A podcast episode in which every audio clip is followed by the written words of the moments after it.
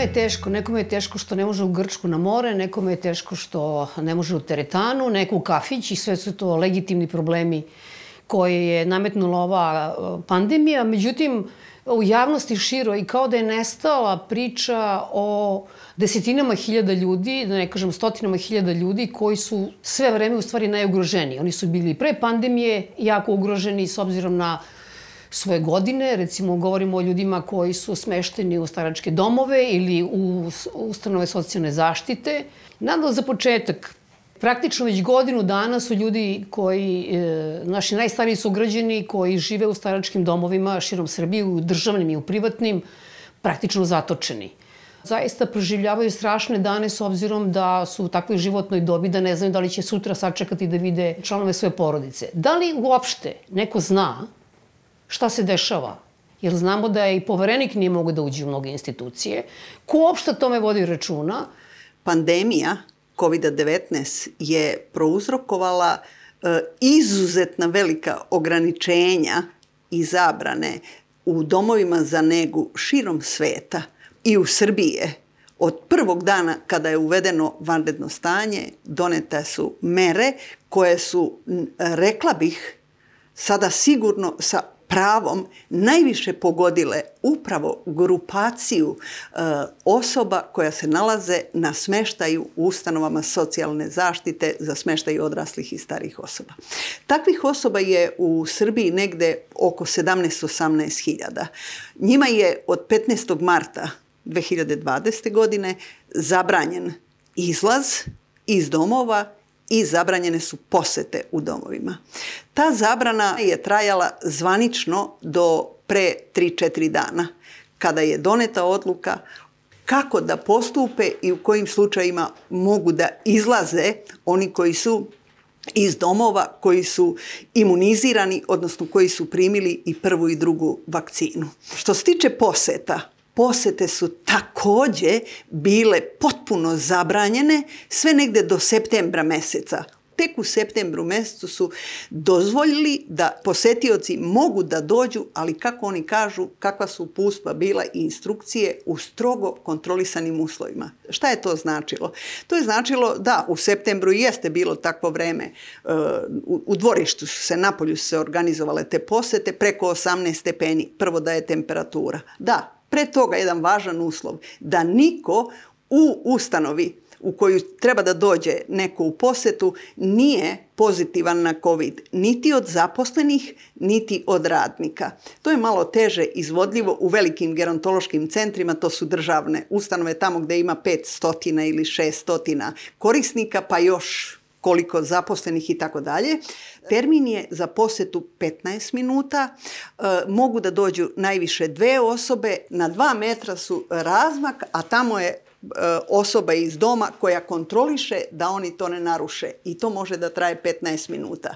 To je trajalo u septembru do uh, kraja oktobra meseca jer čim nisu temperature preko 18 stepeni završena je bila priča.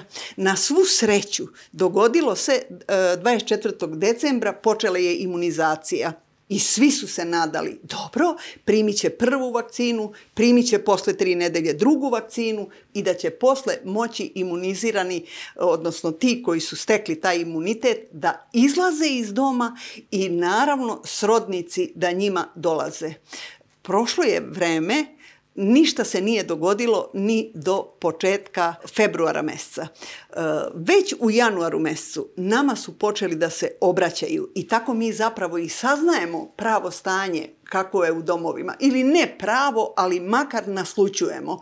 E, mogli smo i sami shvatiti da se radi o prinudnoj izolaciji posle vanrednog stanja, kada je ono prošlo, ne mogu da se uvode kar karantini po osnovama tako samo zato što neko stanuje u ustanovi za smeštaj. Može po osnovu zdravstvenog stanja. Dakle, mogli su dalje da uvode karantine na stacionarima gde su nepokretni, gde su teško pokretni, gde su dakle veoma bolesni i doista su ti ljudi u većem riziku. Jer mi u našim domovima imamo ljude koji su otišli da bi rešili svoje stambeno pitanje.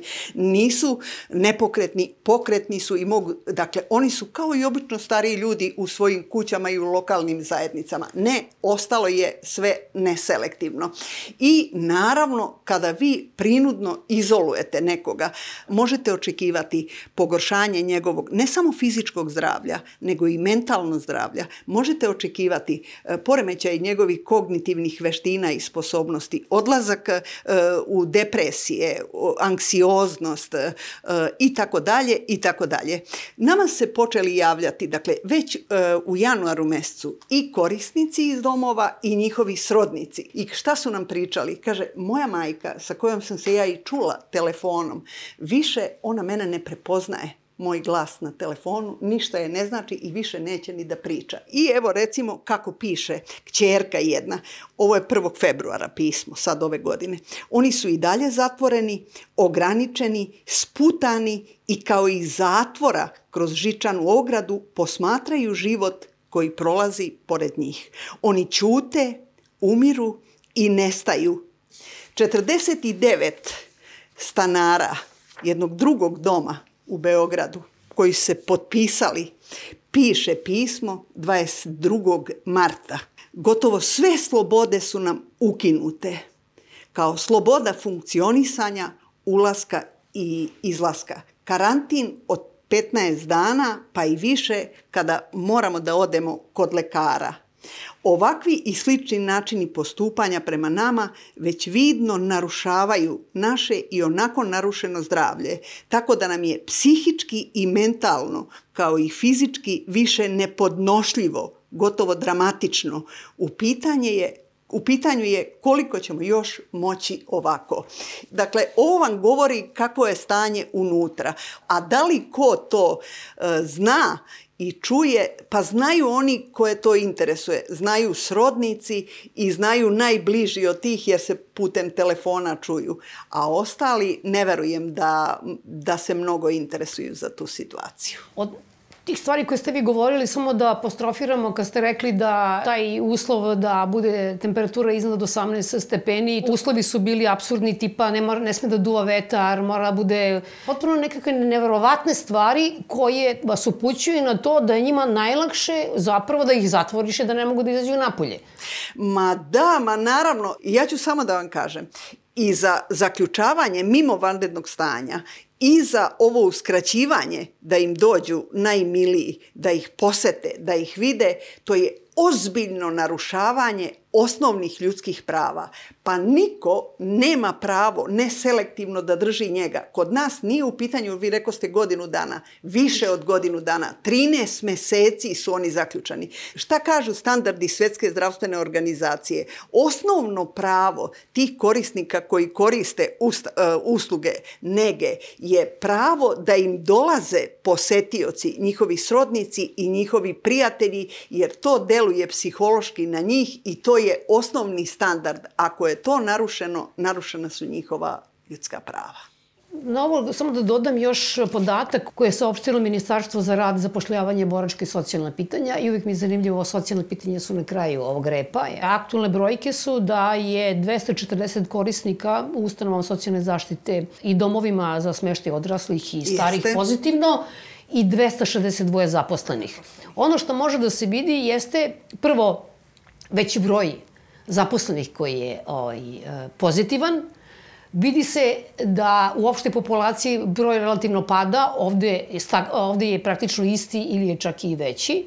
I ono što je vrlo zanimljivo, rekli su da je 5618 korisnika izlečeno. izlečeno. Da je 2723 zaposlenih. Yes. Jedino ne znamo, niko nam ne kaže koliko je umrlih. Jeli?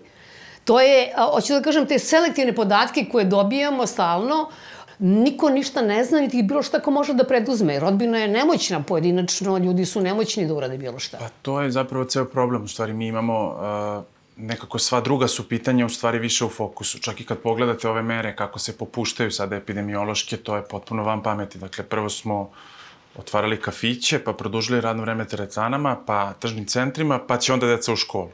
I zapravo na tom primjeru vi vidite šta je u stvari tu sada ključno i prioritetno za krizni štab, jeli? problem je što zapravo mi imamo sad tog jednog zaštitnika kafića i restorana, to je Goran Vesić, je li tako?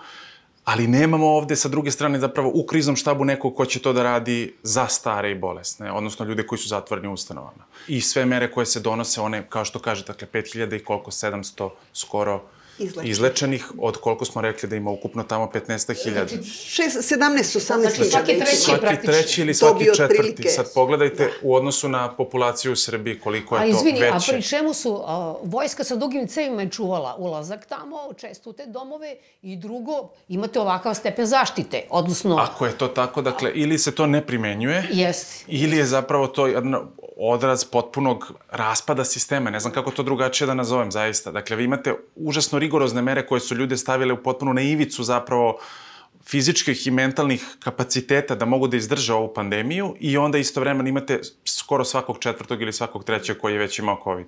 I naravno nemamo pojma u stvari šta se dešava sa onima koji su preminuli.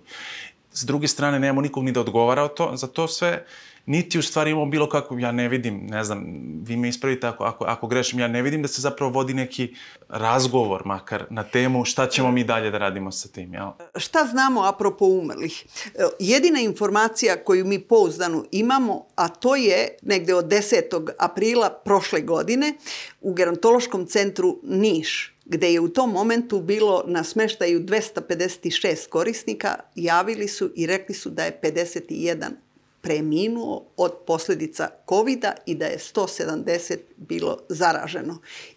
I šta je bila posledica toga? Smenjen je direktor ustanove i e, zatvoren je na 48 pa do 30 dana. Ne znamo šta se dogodilo dalje, da li je više Znam, 51 u tom momentu je rečeno, a da li je bilo i više smrtnih slučaja, više nikada o tome nije javljeno. Utisak naš je da svi rukovodioci i svi zaposleni su učutali, da. jer su smenili ovoga direktora dole a covid ima i pojavljuje se. Niko neće niti da razmišlja, niti da uh, o, o načinima kako relaksirati i kako olakšati život. Kako olakšati život korisnicima, kako olakšati život zaposlenima, nego jednostavno uh, doslovce sprovodi instrukcije i mere koje donosi gore neko. Ja ne sumnjam da imaju najbolju nameru, ali sam duboko ubeđena da vi mere, jer sam pratila šta se radi radi u svetu. Dakle, vi morate da imate u kriznom štabu nekoga ko zastupa i ko poznaje psihološki profil e, te grupacije. Morate predstavnike tih ljudi o kojima vi donosite mere. Dakle, vi zatvarate i ne date srodnicima da uđu. Čak su srodnici, nama su govorili, mi smo test bili spremni da nosimo, da negativan onaj PCR, da se oni imunizirali pa da mogu tamo da odu, ne, ništa nije važilo, a zaposleni mogu da ulaze, i, jer nije obaveza da se svi vakcinišu i nisu se svi vakcinisali. Ulaze svaki dan i izlaze jer rade. Ne samo zaposleni, nego i dobavljači i majstori sa strane koje vrše, koje, kakve, to nam sve srodnici govore. Dakle, oni mogu da ulaze. Pa to govori i ovi podaci da imate više za zaposlenih koji su pozitivni nego korisnika trenutno. Znači, nije... Da, ja mogu da nađem i pronašla sam istraživanja međunarodna. Dakle, ja znam kako je stanje u Kanadi, znam kako je stanje u Italiji, znam kako je stanje u Norveškoj, ali ne znam kako je stanje u Srbiji. Nikakva istraživanja i nikakve dostupne podatke. Ja sam sve, na sve sajtove išla ustanova i gledala gde ima, ima uh, recimo gerontološki centar Beograd i prikazuje se u toku letnih meseci prošle godine nema ništa, dakle ništa se nije događalo, a sada već pokazuju slike pojedinačne gde veze starija osoba i tako, ali nemamo nikakve informacije šta se događa. Mi znamo Kanadu, ne znamo Bežanijsku kosu. Ali ne znamo, ne znamo, a da ne pričamo tek u privatnim domovima ove, jer, Jeste, kakva je situacija. E, kada smo govorili o ovom je samo povod ovi starački domovi, kada sam gledala te podatke i saopštenje ministarstva, oni kažu korisnici recimo u tim ustanovama socijalne zaštite za koje se proceni da mogu biti prenosioci idu u izolaciju.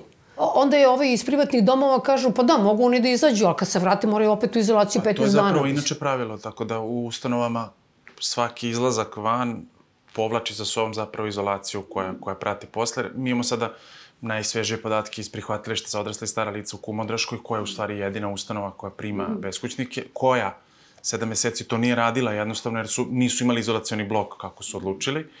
Posle kada su to uspostavili u novembru uh, i otvorili konačno vrata ovaj, korisnicima, jer su se oni zatvorili u stvari u martu i nisu do novembra nikoga ni primali, tako da su beskućnici bili na ulici u stvari bez ikakve podrške.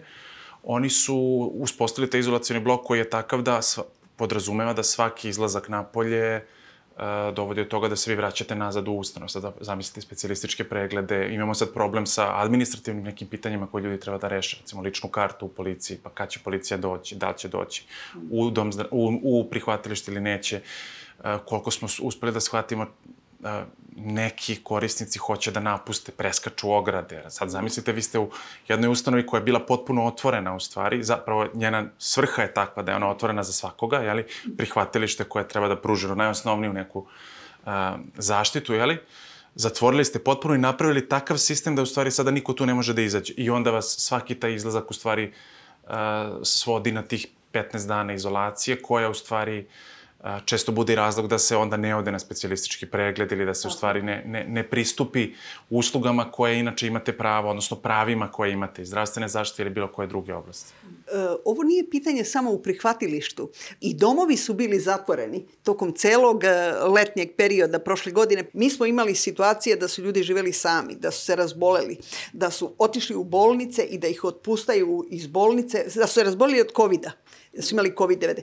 I onda se vraćaju iz bolnice da sami žive u nekakvoj seoskoj sredini gde nema niko da mu pomogne, ni na koga da se osmi. Rekli, alo, nijedan dom neće da, da primi. Onda smo mi reagovali preko poverenice, kaže, dajte bre, pa domovi za to služe, nađite način da ih primite. I onda je počelo selektivno, ali opet kada niko nema e, zaražen, kada nema zaraženih u domu, onda mogu da prime. A ovo, kada su god morali da izvedu, da vode korisnika ustanove, i danas to važi, da ga e, odvedu u zdravstvenu ustanovu, e, tercijalnu bolnicu ili već na nekakav specijalistički pregled, diagnostičku medicinsku proceduru, laboratoriju, šta god, po povratku on ide 15, 14 dana u karantin. Znate šta to znači? Koji je to sada udar? On ne ide u svoju sobu, nego ide negde tamo, e, potpuno na drugog, gde je izolovan i gde je sam u sobi.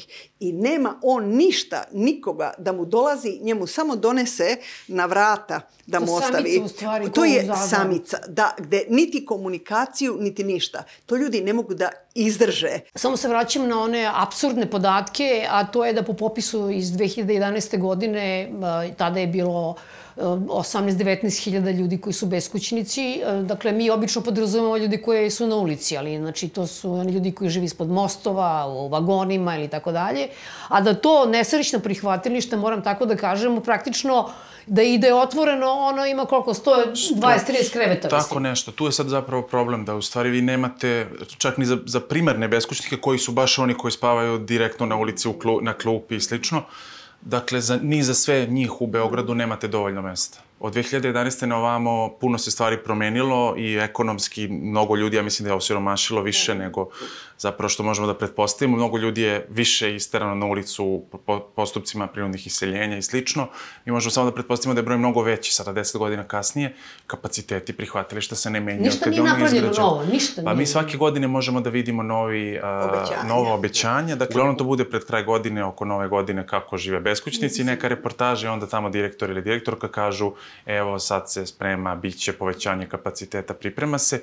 Ove godine ono što se dogodilo jeste da je povećani su kapaciteti otvaranjem nekakvih privremenih, privremenih smeštenih kapaciteta. Jedno je bilo na Vračaru i bilo je nekoliko u saradnji sa Crvenim krstom otvorenih tih dnevnih centara koji su radili po nekoliko sati. Mi smo imali prilike da vidimo jedan od njih u Sazonovoj ulici koji je to jedna prostorija koja je napuštena, zapravo prostorija mesne zajednice u kojoj nema nikakvih sadržaja, imate stoj stolicu i možete se ugrete. Čini mi se da se zapravo gradska vlast nekako trudila sada kad je krenula, pogotovo zima, da, naravno kroz svoje sada medijske ovaj, kanale, da u stvari prikaže sada situaciju mnogo boljom nego što je bila. I imali ste skoro svakodnevno sekretarku za socijalnu zaštitu u jutarnjim programima gde govori kako se sada brine o beskućnicima i slično.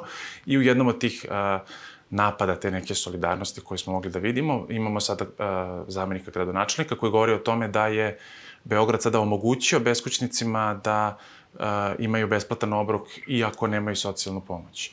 Evo, verujte, mi ne znamo nikog da je to uspeo da uradi. Sledeće nedelje će jedan čovjek koji nema socijalnu pomoć sa nama kao punomoćnicima ići u Centar za socijalni rad da bi dobio taj jedan obrok, zato što u stvari uh, centri ne znaju kako da primene to što je doneto, a to je doneto uh, preko noći bukvalno i rečeno je sada svako ima pravo, što je zapravo bilo potpuno logično. Jeli? Da, dakle, da. ako ja nemam socijalnu pomoć, znači zapravo nisam se kvalifikovao ni za to pravo, dajte makar da ono imam taj na, ono, narodnu kuhinju da mogu da preživim, međutim, vi sad zamislite nivo absurda do kog idemo, dakle mi ćemo sada ići sa tim jednim beskućnikom koji je izašao iz prihvatilišta kao punomoćnici da bi on dobio obrok na tom narodnom kazanu, zapravo taj neki pasulj ili nešto što će jesti da bi zapravo mogao da preživi.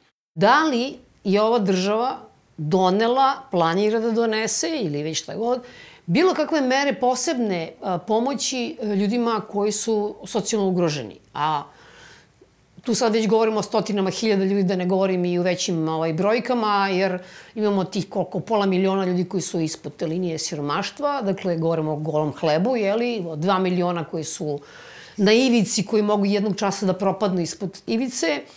Kako biste mi ilustrovali uh, stepen, tako da kažem, i napuštenosti tih uh, ljudi od strane sistemskog pristupa države rešavanju makar nekih problema? Mi smo, uh, 17, ja sam se baš juče, prekjuče podsjetio toga, dakle, 17. marta prošle godine imali neki apel vladi. Apel da se formira, mi smo to tada nazvali treći krizni štab i mi o tome stalno govorimo, dakle, jedan sada posebno telo koje će se baviti posledicama borbe protiv COVID-a po socijalno najogroženiji, one koji su zapravo u društvu najslabiji, jeli? Eto, 17. mart prošle godine, prošle je skoro malo više od godinu dana, nemamo apsolutno nikakav odgovor. U nekom trenutku je postojala neka komunikacija preko tima za socijalno uključivanje, gde smo mi čak i napisali neki predlog urgentnih mera koje bi trebalo da se preduzmu, apsolutno se ništa nije desilo i sad umeđu vremenu smo imali prilike da vidimo ovo što je, što je država radila. Dakle, 600 miliona evra isplaćenih svima i kome treba 60, i kome ne treba. 670, ja mislim, čak nešto. U suštini problem je da smo mi imali mere koje su čak i tako, tako zamišljene, opet isključile neke ljude, pa recimo ko nema dokumenta, taj nije mogao da dobije pravo, iako je taj po, po svojoj prilici, ali dakle, mnogo više ugrožen od bilo koga od nas ovde ko sedi i mi smo bili kvalifikovani za tu pomoć. Uh, A, s druge strane imate ljude koji nisu znali da mogu da ostave pravo. Nije postala baš ni neka velika kampanja, da, da se ne lažemo o tome da sad ljudi se prijavljuju. To se sada nastavlja, to je sada naj, zapravo najstrašnije od svega, da se sada taj isti pristup nastavlja, sada samo rasparčano tih 30 pa 30 evra i u stvari mi ćemo opet imati silan novac koji će se proliti potpuno, potpuno bez, A, bespotrebno. Zadužit ćemo se za zadužit ćemo to. se za to, pa ćemo posle plaćati. Imamo sada još uh, ono zapravo, dajde sada da, da nekako suzimo odgovor, uh, ono što su mere koje su zapravo bile targetirane u odnosu na socijalno najugroženije jeste produženje roka važenja rešenja za vreme vanrednog stanja za one kojima je isticalo pravo na socijalnu pomoć za vreme vanrednog stanja. I druga mera je bila zapravo a, druga, zapravo to je jedina mera i druga je ovih za 100 evra koji su, koji su imali prilike da se prijave, koji su se prijavili. I to je zapravo sve. Za penzionere je bila malo drugačija situacija s obzirom da su imali ta novčana davanja koje su bila zapravo kao neka vrsta uh, opet nekog dara iz državne kase zapravo. Vi tu nemate nikad taj odnos zapravo da država sad daje zato što ima obavezu da da, zato što su ljudi u problemu i zato što je zapravo situacija takva, nego je to neki tako, eto, akt milosti, sad ćete vi dobiti nešto i sad imamo ove vitamine koji stižu čuveni, to je zapravo ovaj, ne znam ni odakle da krenem sa tim vitaminima, možda na, na, nada će ovaj, znati bolje. Dakle, moram prvo da reagujem na ovo akt dara penzionerima, zato što ja spadam u tu ovaj, grupaciju stanovnika. Ma kakav akt dara od 2014. do 2018. godine niko nije pitao penzionere, nego su opet oduzimali i donosili odluku ovima do 22.000 nećemo ništa umanjivati penzije, ovima koji imaju, ne znam, do 40 umanjit ćemo ovoliko procenata, ovima ćemo ovoliko. Dakle, i tako četiri godine. A onda sad kao akt milosti, ne znam, pet hiljada ili već ne znam koliko će dati.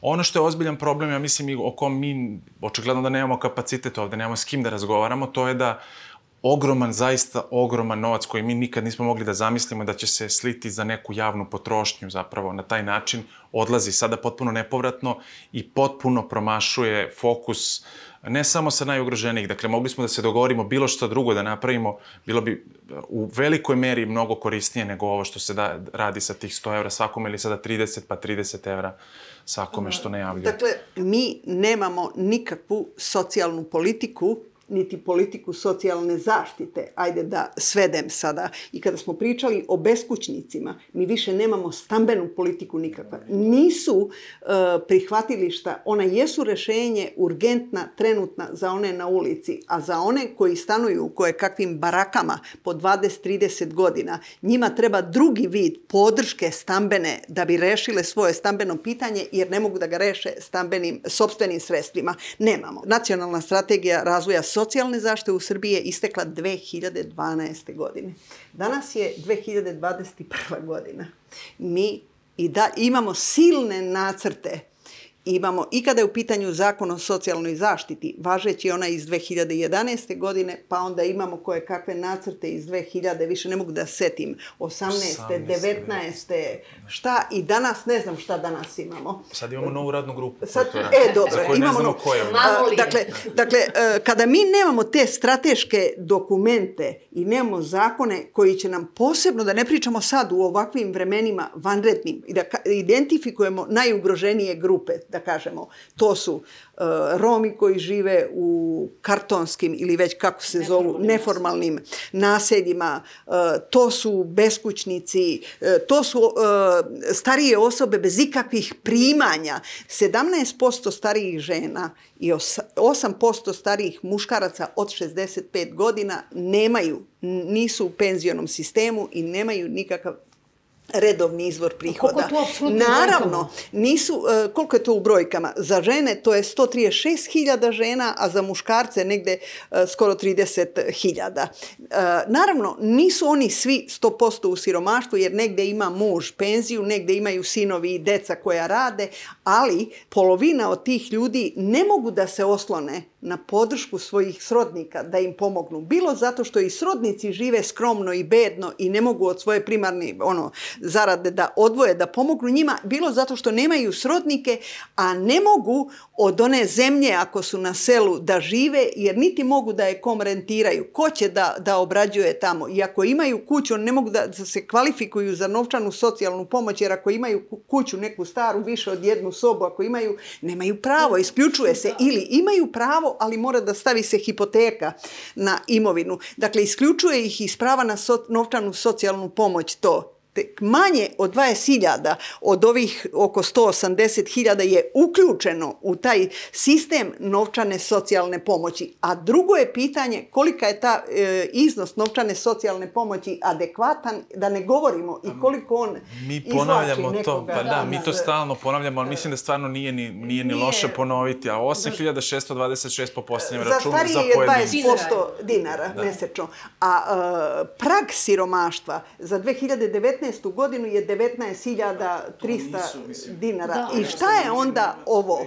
Šta je onda taj novac? Vi nikoga ne izva... To nigde na svetu nema. Dakle, šta je kod nas važno? Kod nas je važno uh, kvalifikovati se i ući u taj sistem da primaš tu novčanu socijalnu pomoć. Ja znam koleginice, pošto sam ja u socijalnoj zaštiti preko 40 godina, koje su počinjale raditi kada i ja, jer one su u centrima za socijalni rad i otišle su u penziju i kaže, uh, iz te porodice bio je deda, korisnik novčane socijalne pomoći, pa sin, sad su i unuci, kaže, ja sam mirna, poznajem.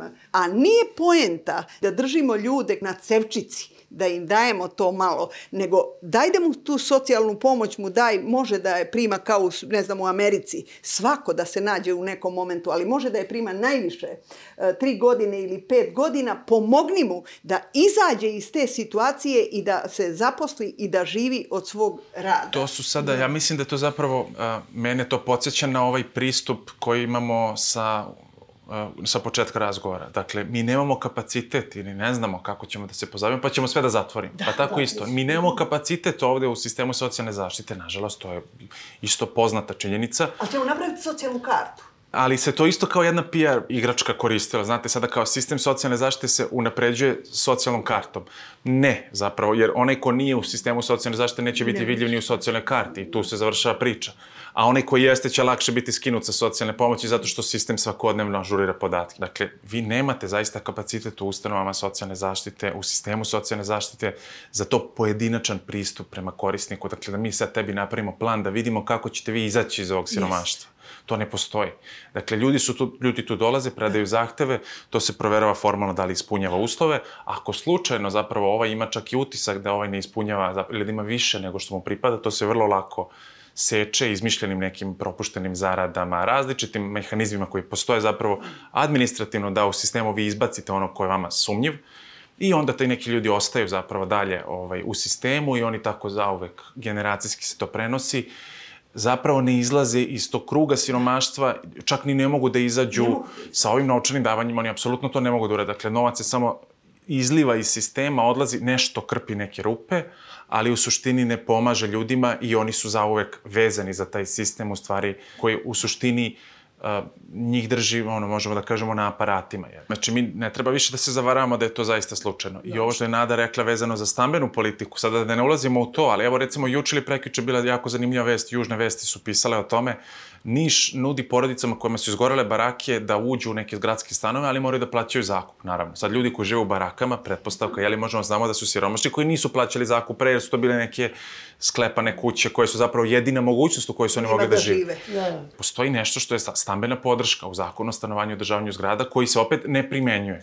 Dakle, pa grad Niš... Pa napravili, da. mi, e, napravili smo zakon, ali strategiju i akcioni plan Razumete, nismo, to, to su, tako je, pa da, mi dakle godine. imamo sada, vi na papiru imate nešto, kao ove da. što će ići za, za narodnu kuhinju sa nekim svojim punomoćnikom za, za, za par dana da dobije pravo na taj obrok koje mu sleduje, tako isto ovi ljudi, on formalno ima, to negde piše u nekom zakonu, to ne postoji. Za su na prvom mestu tako za stambenu da, podršku. Da, ne, ne, evo, nemamo, stambena podrška na... ne postoji. Ista je stvar sa drugim oblastima, svako je sebi krizni štab, da se prisetimo toga. Dakle, mislim da je to zapravo jedna rečenica koja sasvim dovoljno pokazuje koliko zapravo država u stvari potpuno se izvukla iz toga što su socijalna prava i u stvari mi sada živimo ove posledice. Njima se bavimo... Šta mi imamo u zakonu aktuelnom o socijalnom socijalnoj zaštiti koji veoma decidno kaže odgovornost je prebacuje se na, na pojedinca. Svako je odgovoran sam za svoj i na porodicu.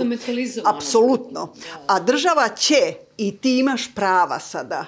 Šta tebe imaš prava na usluge u zajednici kada tih uh, usluga nema? ili nema, ga, nema dovoljno. Imaš pravo na novčanu socijalnu pomoć, ali da bi ušao u to... Moraš da tužiš srodnike, da primaš je 9 meseci, jeste, moraš da radiš po Vulinovoj uredbi ako te pozovu. Dakle, I tako da sada... dalje. Država ih smanjuje ukupna izdvajanja za socijalnu zaštitu iz godine u godinu. 19,6% ukupnih izdvajanja iz bruto društvenog proizvoda je za 2018. godinu u Srbiji za socijalnu zaštitu, a u Evropskoj uniji, zemljama Evropske unije, 27,9%. I oni povećavaju, imaju planove da je ono i da povećavaju za naredne dve do tri godine ono dokle ima, a kod nas ide obrnuto. Eto, to tu je, je sada stvar isto zanimljiva. Ako je istina da smo mi ekonomski tigar ovde u regionu, je li tako, znači zašto onda ne povećavate izdvajanja za tu oblast? Dakle, mi imamo e, s jedne strane taj rast GDP-a, ogroman razvoj koji se dešava i sa druge strane stagniranje, odnosno smanjivanje davanja koje idu za one koji su najugroženi. Dakle, očigledno to nije, to ne može biti slučajno. Jel? Nedavno ste e, vi uspeli da izdejcujete preko Narodno Evropskog suda za ljudska prava u Strasburu da se spreči seljenje čoveka koji nije mogo da plaća socijalne stanove.